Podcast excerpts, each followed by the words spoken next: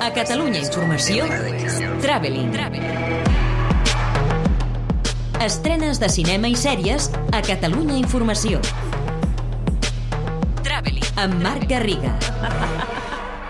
Je suis là dans 5 minutes. Bon, peut-être 8, 8.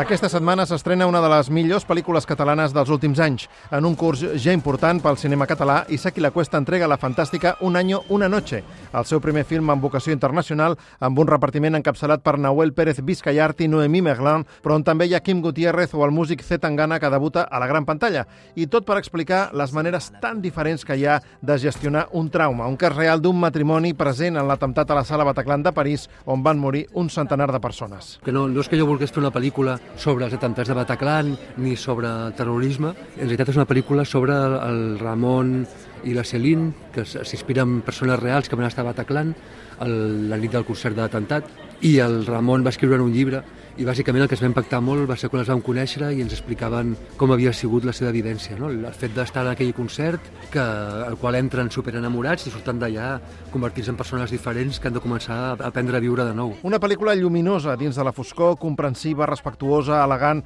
on el morbo no hi té cabuda i només es parla de sentiments, de valors i de persones. Un 10. My son sacrificed his life to save me. DC torna a confirmar que segueix sense trobar la tecla de l'èxit i que Marvel continua sense rival. Tot i comptar amb Dwayne Johnson, La Roca, com a protagonista, a Black Adam li manca empatia i és extremadament rígid, insípid. Jaume Collet Serra, el director, no aconsegueix aixecar l'interès per una història excessivament bàsica i trillada amb escenes d'acció impersonals i diàlegs de vergonya aliena. Busco alguna cosa original. Un cocodril que canta. Si se suma un cocodril que canta amb la veu de Shawn Mendes i un Javier Bardem vestit com Salvador Dalí, que fa trucs de màgia i balla com un artista de tercera, el resultat és Lil, el meu amic cocodril, un film infantil, simpàtic i original basat en els famosos llibres de Bernard Boaber. La història és molt senzilla, va destinada únicament als més petits i els pares ja faran prou d'acompanyar-los, sobretot perquè s'estrena en versió en català, cosa que no passa sorprenentment amb Shin-Chan i el misterio de l'Acadèmia Tenkaso.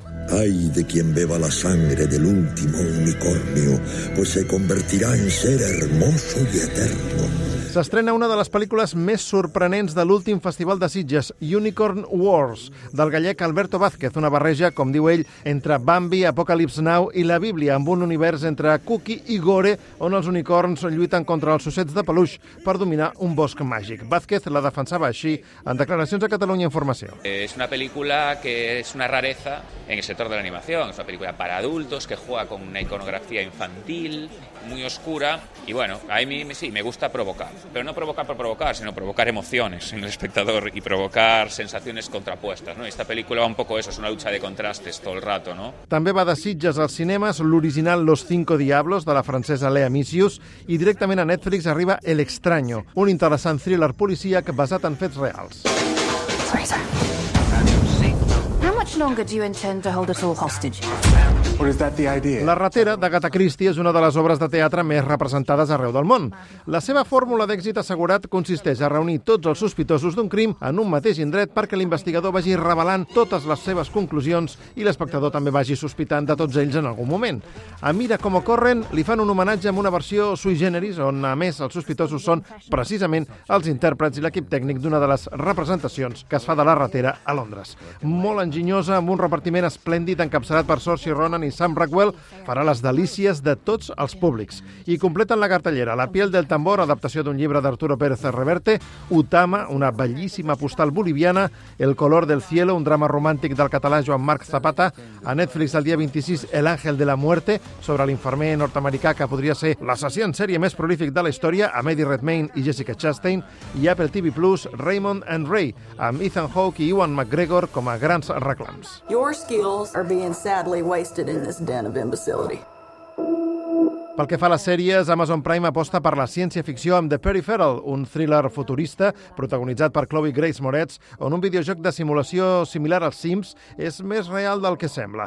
Seguint l'estela de les històries per a no dormir de Chicho Ibáñez Serrador, Netflix estrena un compendi de contes de terror coordinats per Guillermo del Toro, El Gabinete de Curiosidades, una antologia que compta amb destacats directors del gènere com Jennifer Kent, Vincenzo Natali o Ana Lilia Marpur. Netflix també destaca la minissèrie romàntica Des de Cero i a Disney Plus arriba una nova sèrie animada de l'univers Star Wars, Les Cròniques Jedi, també una antologia que compta amb l'aparició estel·lar de la veu de Liam Neeson. Traveling. Estrenes de cinema i sèries a Catalunya Informació, amb Marc Garriga.